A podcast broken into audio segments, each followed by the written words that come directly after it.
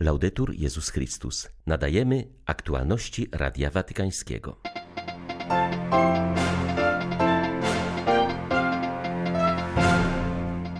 Papież pożegnał się dziś ze Słowacją po czterech dniach intensywnej podróży apostolskiej. Na zakończenie odprawił mszę w Narodowym Sanktuarium Matki Bożej Bolesnej w Szasztinie. Nie można sprowadzać wiary do cukru osładzającego życie. Jezus jest znakiem sprzeciwu.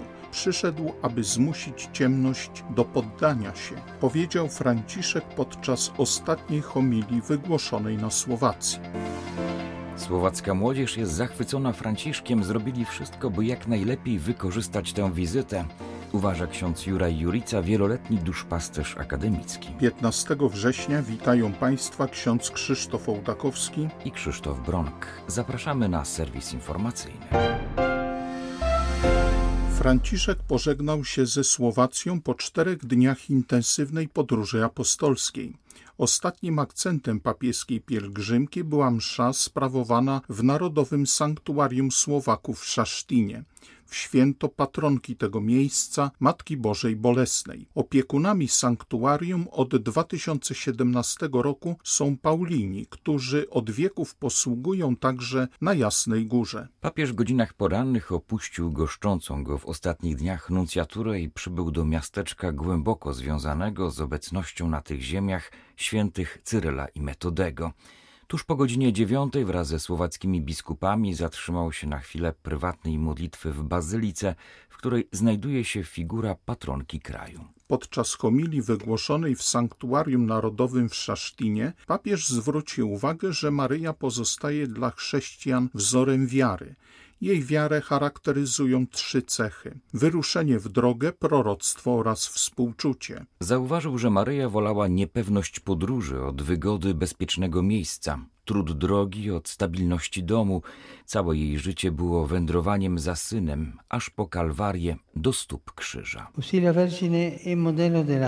Maryja Dziewica jest wzorem wiary narodu słowackiego, wiary, która wyrusza w drogę, ożywiana prostą i szczerą pobożnością, pielgrzymująca w poszukiwaniu Pana.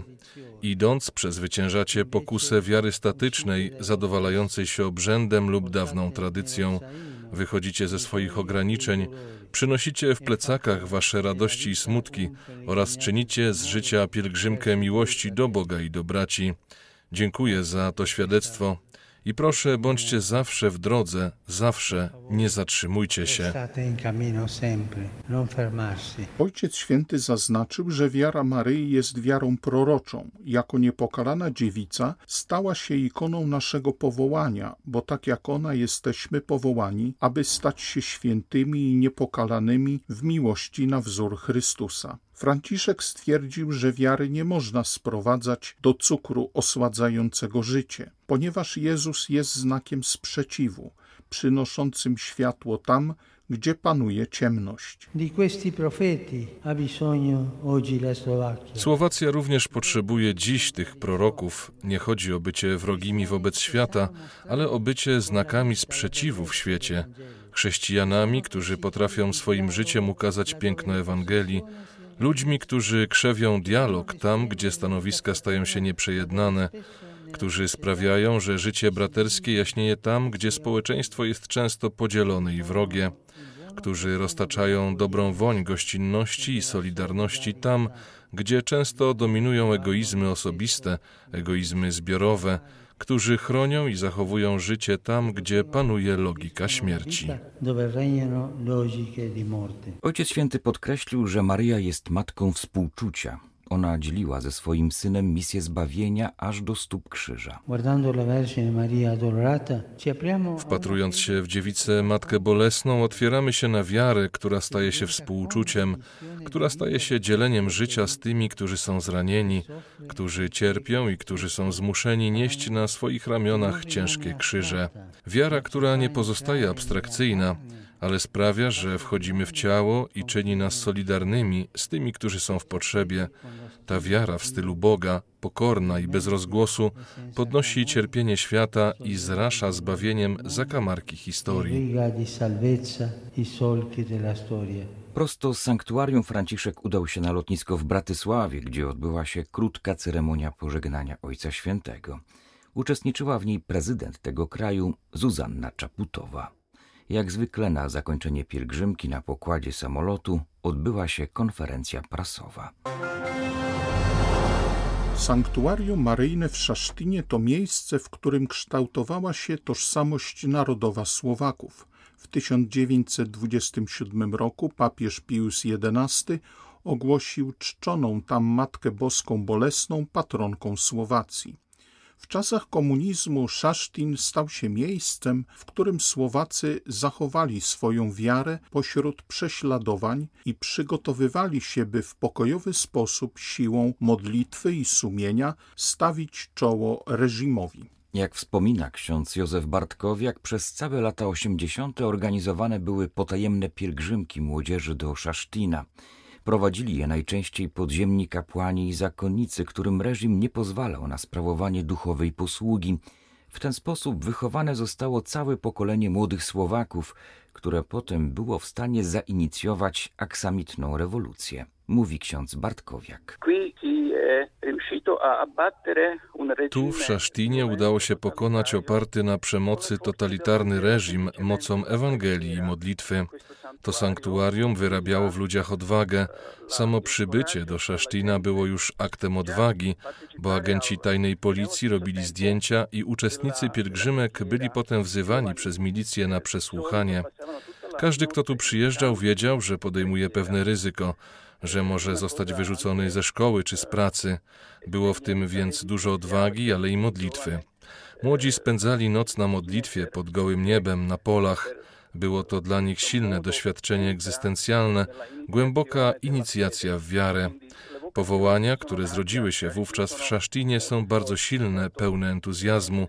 Pokazały to kolejne lata, kiedy nastąpił wzrost powołań na Słowacji vocazioni sono cresciute in Slovacchia. Ołtarz polowy, przy którym papież Franciszek odprawił ostatnią mszę na słowackiej ziemi, został zbudowany z materiałów pochodzących z recyklingu. Drewniane elementy konstrukcji przygotowano tak, by dało się je ponownie wykorzystać. Centralnym elementem konstrukcji jest mensa ołtarzowa, ale wzrok koncentruje się także na drewnianym krucyfiksie, znajdującym się w głównej części prezbiterium. Drewno do jego wykonania pochodzi z kościoła zniszczonego podczas burzy. Kolejnym kluczowym elementem konstrukcji, wyeksponowanym podczas papieskiej liturgii, jest figura Matki Bożej Bolesnej. Architekt, który zaprojektował papieski ołtarz w Szasztynie, przyznał, że inspirował się społeczną encykliką papieża Franciszka.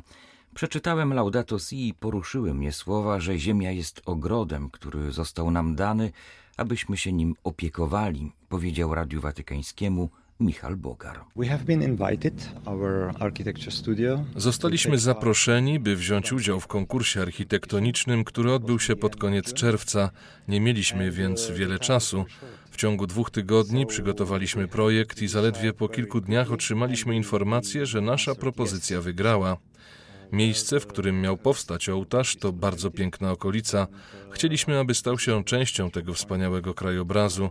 Chcieliśmy także, aby ołtarz skierowany był w stronę wież bazyliki, ponieważ jest to historyczne miejsce, do którego ludzie przybywają, by modlić się przed figurą słowackiej piety. Ten sposób zamierzaliśmy zachować łączność pomiędzy naszą przestrzenią liturgiczną a sanktuarium. Zależało nam, by nasz projekt był minimalistyczny, wpisujący się we współczesną architekturę i oczywiście, co było dla nas bardzo ważne, ekologiczny.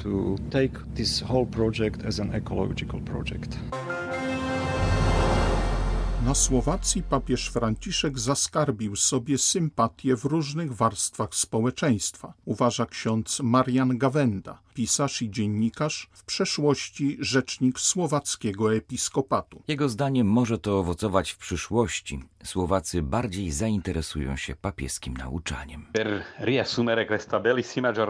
Aby podsumować ten piękny dzień, można by posłużyć się powiedzeniem: Nie kochamy ich za to, co mówią, ale słuchamy tego, co mówią, kiedy ich kochamy. Dotyczy to także papieża i jego słuchaczy. Dziś umocniła się osobista relacja między obecnymi a Ojcem Świętym. Wszyscy Romowie, młodzież, wierni i inni mieszkańcy Słowacji będą odtąd słuchali tego, co papież mówi robi, z nowym, osobistym zainteresowaniem. Myślę, że Ojciec Święty również czuł się dobrze, czuł się podbudowany. Widać było jego zadowolenie i uśmiech, widać było wzajemną miłość.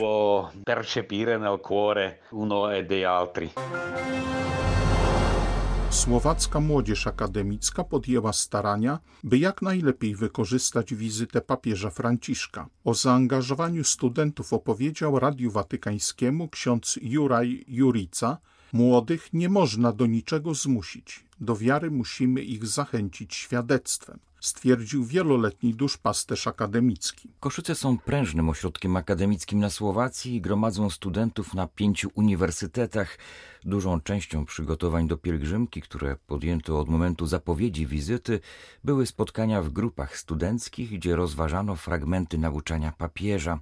Wystarczyło także kilka dni, by zebrać ponad 400 wolontariuszy pomagających przy samym spotkaniu młodzieży z Franciszkiem. Jak zaznaczył duszpasterz, papież zdaje sobie sprawę, że młodym należy pozostawić wewnętrzną wolność gdzie wiara nie opiera się na ślepym posłuszeństwie. Jest to zadaniem także dla słowackiego kościoła. Podczas spotkania z Ojcem Świętym młodzież zapytała papieża między innymi o sposób na zbudowanie trwałej i mocnej rodziny, która będzie zdolna przetrwać trudne momenty.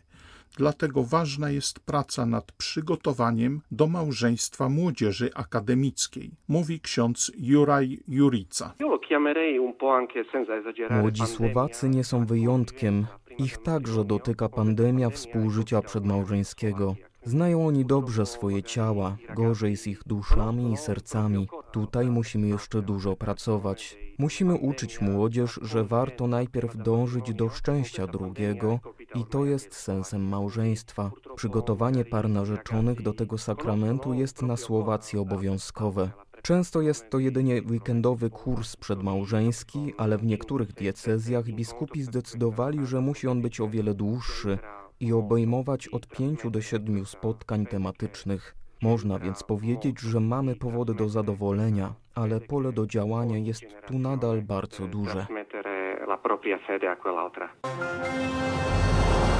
W siedzibie ambasady polskiej przy Watykanie prezydent Andrzej Duda w uznaniu dla zasług w służbie dyplomatycznej oraz za rozwijanie współpracy między Rzeczpospolitą Polską i Stolicą Apostolską odznaczył krzyżem komandorskim z gwiazdą Orderu Odrodzenia Polski arcybiskupa Jana Romeo Pawłowskiego. W tym roku obchodzi on trzydziestolecie pracy w dyplomacji watykańskiej. Arcybiskup Pawłowski kieruje sekcją trzecią Sekretariatu Stanu Stolicy Apostolskiej, która jest odpowiedzialna za nuncjatury na całym świecie. Przypomniał, że kiedy pełnił misję w Kongo oraz w Gabonie, gdzie nie było polskiej ambasady, to po katastrofie smoleńskiej w kwietniu 2010 roku ludzie wiedząc, że nuncjusz jest Polakiem, przychodzili do nuncjatury i składali kondolencje z powodu tej wielkiej tragedii. Polska jest zawsze tam, gdzie my jesteśmy. To jest, myślę, dla każdego z nas Polaków, którzy szczerze Polskę kochają, którzy nie wstydzą się być patriotami, to jest właśnie to, że Polska jest tam, gdzie bije chociaż jedno polskie serce.